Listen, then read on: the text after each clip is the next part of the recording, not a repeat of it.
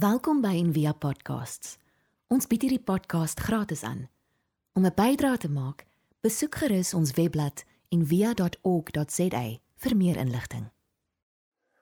My ouma was baie lief vir Hikkel en ek het groot geword in 'n huis waar alles gedoilie was. Tot die toiletrolle, elke kassie, bekkie, lamptafeltjie het 'n doilie op. En dan was daar komberse. So hierdie laat my baie dink aan my ouma se. So dit was altyd die afvalwolletjies wat sy gekry by vriendinne en goed en dan is dit gehekel en baie keer as jy so kyk na die wol dan is dit regtig lelik maar sy gehekel is dit verskriklik mooi. En dan hierdie naweek het Luka 'n kombersie by sy ouma gekry en nou jy kan sê sy is dalk nou 'n nuwe generasie wat dit gehekel het nou iemand gebruik hekel om geloof te verduidelik en as ek nou dink aan my ouma, daar was ook 'n groepie, die tannies, noem dit nou maar die Bybelstudie Hekel groepie. En hulle het hulle patrone gedeel en ek kan in my geestesoog sien hoe hulle praat oor Hekel, hoe hulle die gesaghebende boeke oor Hekel bespreek en wat is Hekel en wat is nie Hekel nie. En hierdie sou 10 teen 1 'n besprekingspunt gewees. Kan jy kan jy dit Hekel noem? Is dit is dit regtig Hekel? ons geloof begin baie eenvoudig hierdie patroon hierdie naald en hierdie wol en dan gaan jy en jy weet hoe om dit te doen. En dan kom daar dalk nuwe perspektiewe en wat jy oorwonder en dan, dan werk jy regtig hard. Jy werk na sekerheid toe is dit nog regtig hekel, is dit hekel of is dit nie hekel nie. Maar later kan dit so erg raak dat die tannies, die kerkraad hekel tannies kan so beklei oor hekel dat hulle later nie meer hekel nie. En wat gaan verlore? Die skoonheid. En wat moet 'n kombers doen? Dan moet jy warm maak so koud is dit dit bestaan nie meer nie. En baie mense loop net weg. En ons moenie onderskat hoe groot daai kontingent is nie. Die Christendom is nog steeds die grootste godsdienst wat daar is, is 31% en dan die moslems met 23% en nou staan 'n nuwe groep. Is mense wat nie geaffilieer is erns nie, is mense wat uit godsdienste is en hulle 16% wat totaal ontredderd is of wat dalk sê, weet jy wat? Hulle kon nie. Ek wil nie daar wees nie. En dis 'n belangrike ding. Ons twyfel kan ons nooit bring waar ek die groot gesag word en in die senter staan. En daai plek se naam is maar eintlik ontreddering. Dit moet my bring by 'n plek wat wat God ten diepste teenwoordig is en ek dink hoe dit gebeur is wanneer daar 'n baie groter sien en verstaan is in dit deur die genade is die gawe van ouer word want jou twyfel is nie net meer gerig op die foute van ander nie. Nee, maar ook op jouself en jou innerlike landskap. Jy kom eintlik na Romeine 7 toe waar Paulus sê dit wat ek wil doen, dit, dit doen ek ek sukkel met dit. Ek, ek wens ek kan dit meer doen. Dis dis eintlik die paradoks in my eie lewe wat uitroep en wat uitskreeu ook vir 'n groter liefde in my lewe.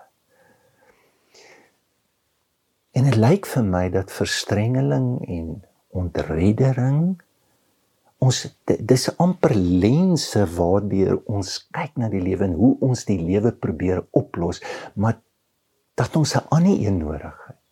En dit lyk my ons kry eers as ons ouer is. Wanneer ons ook ons eie want dit vra vir 'n enorme stuk nederigheid. Dit vra vir iets wat jou laat besef daar's groter goed in hierdie lewe as my verstaan as wie ek is. Dit dit vra na koördinate wat my kan vashou wanneer ek voel dinge is los.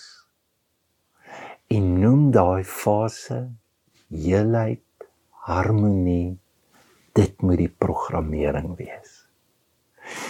Sien ek dink ons geloof werk sodat ek begin nie en ek sal volgende keer daaroor praat wanneer ons sommer gaan luister na 'n klomp mense in die gemeente wat hulle geloofsreis net vertel.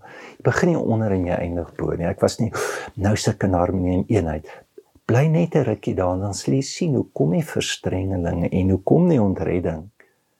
Maar behalwe jy gaan dit op 'n ander manier hanteer want jy het ander koördinate. Kyk, dit maak nie saak wat se GPS jy gebruik nie. Die koördinate bring jou daar. En ongelukkig ons beklei oor die klere, oor die maak en oor al die goeders en maar weet jy wat jy kom presies by dieselfde plek uit. En daai lens, daai koördinate, die Here gee dit vir ons. En Jesus sê ons moet daarvoor bid. En dit is ook sy laaste gebed. Het jy al gesien as jy ouer word, dan is daar sekere goed wat glad nie vir jou belangrik is nie jou prestasies, jou geld, jou goed. Dis is dit belangrik? Dit is nie. Wat is belangrik? Jy sal sien dis altyd mense, jy wil hulle by jou hê, jy wil hulle naby jou hê. Jy wil regmaak, jy wil heel maak. Dis dis die dis die gawe van die dood. En en voordat Jesus weggaan, jy kan sê voordat uh, sê hy ek dink net jy, jy gaan net dit sê wat die belangrikste is. En dan bid hy, dan sê hy Heilige Vader, bewaar hulle in U naam, die naam wat U my gegee het, sodat hulle net soos ons een kan wees. Dis waarvoor hy bid. En dan bid hy, ek bid ook dat U hulle nie uit hierdie wêreld sal neem nie. Want sien, dis wat ontreddering doen. Dit dit maak jou los van alles. Dit gaan oor jou. En baie ons die begin van ons geloofsfases help ons ook om dalk 'n ego te kry. Dit help ons wat seker ook goed is. Maar dit dit gaan my nie hou nie. Die groot vraag is hoe help my geloof my terug na die wêreld toe en hoe hou ek die wêreld vas? Vader, moet hulle nie uit die wêreld uit nie, want baie geloof gaan dit doen. Maar word ek op 'n nuwe manier teruggesit in heelheid.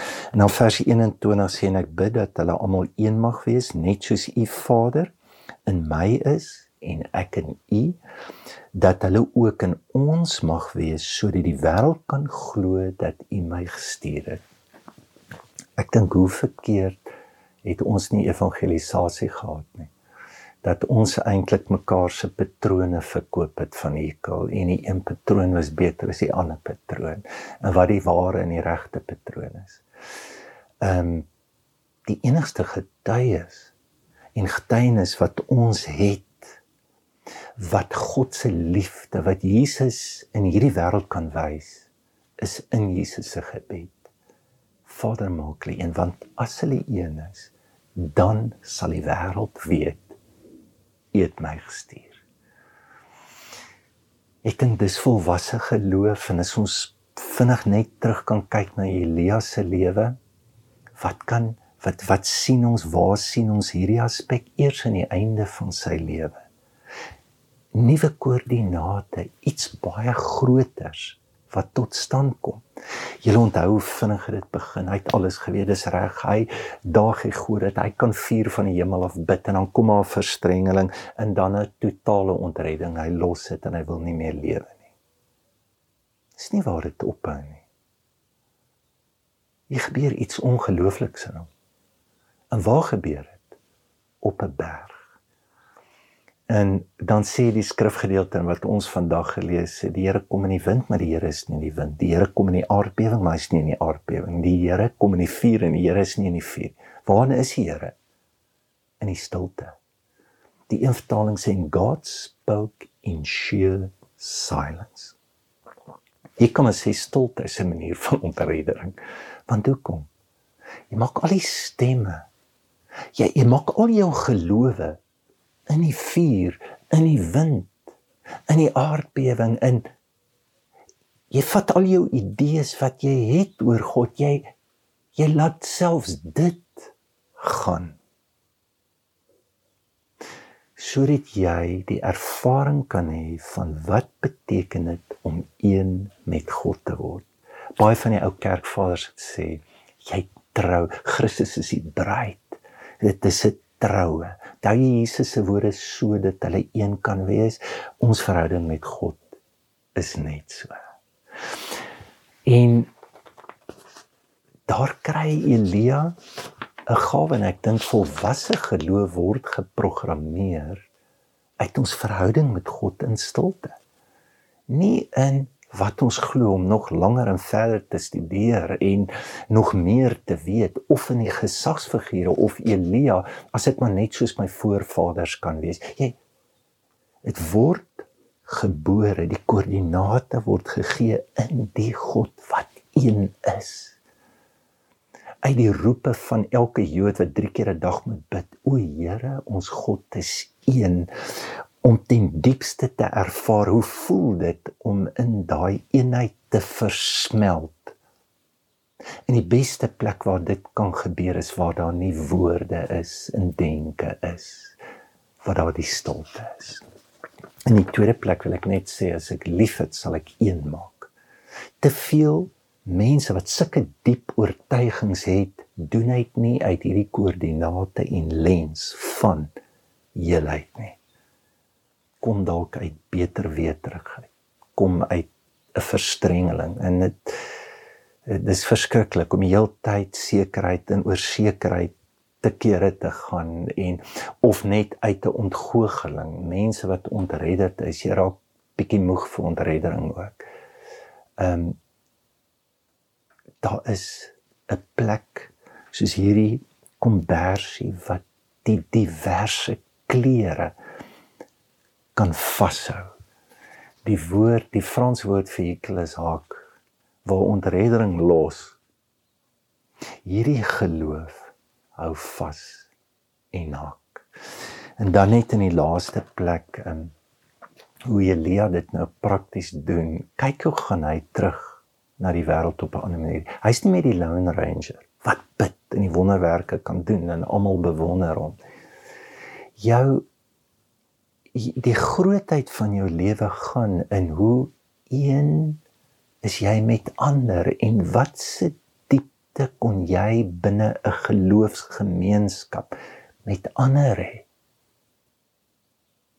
So wat moet hy doen? God sê vir hom gaan na Asael toe.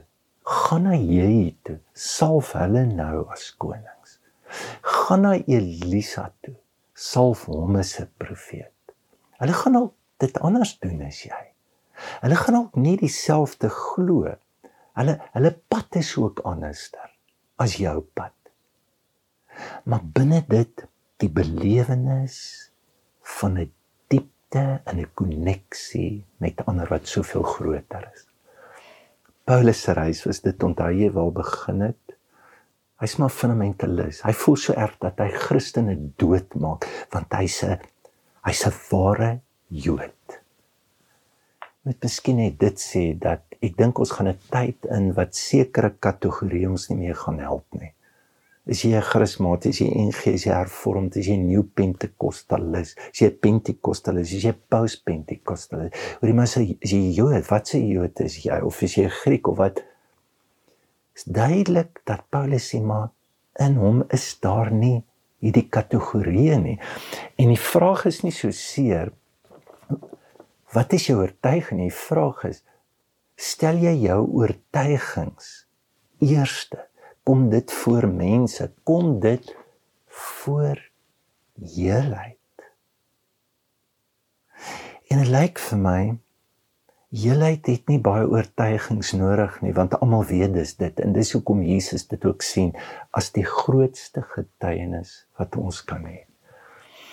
Paulus moet dit leer en is nie net hy het Jesus ontmoet en na te bediening. Is jare en jare wat hy moet leer maar hoe verbind ek my? Gee ek my lewe vir baie groter as wat ek is? En dan gebeur dit.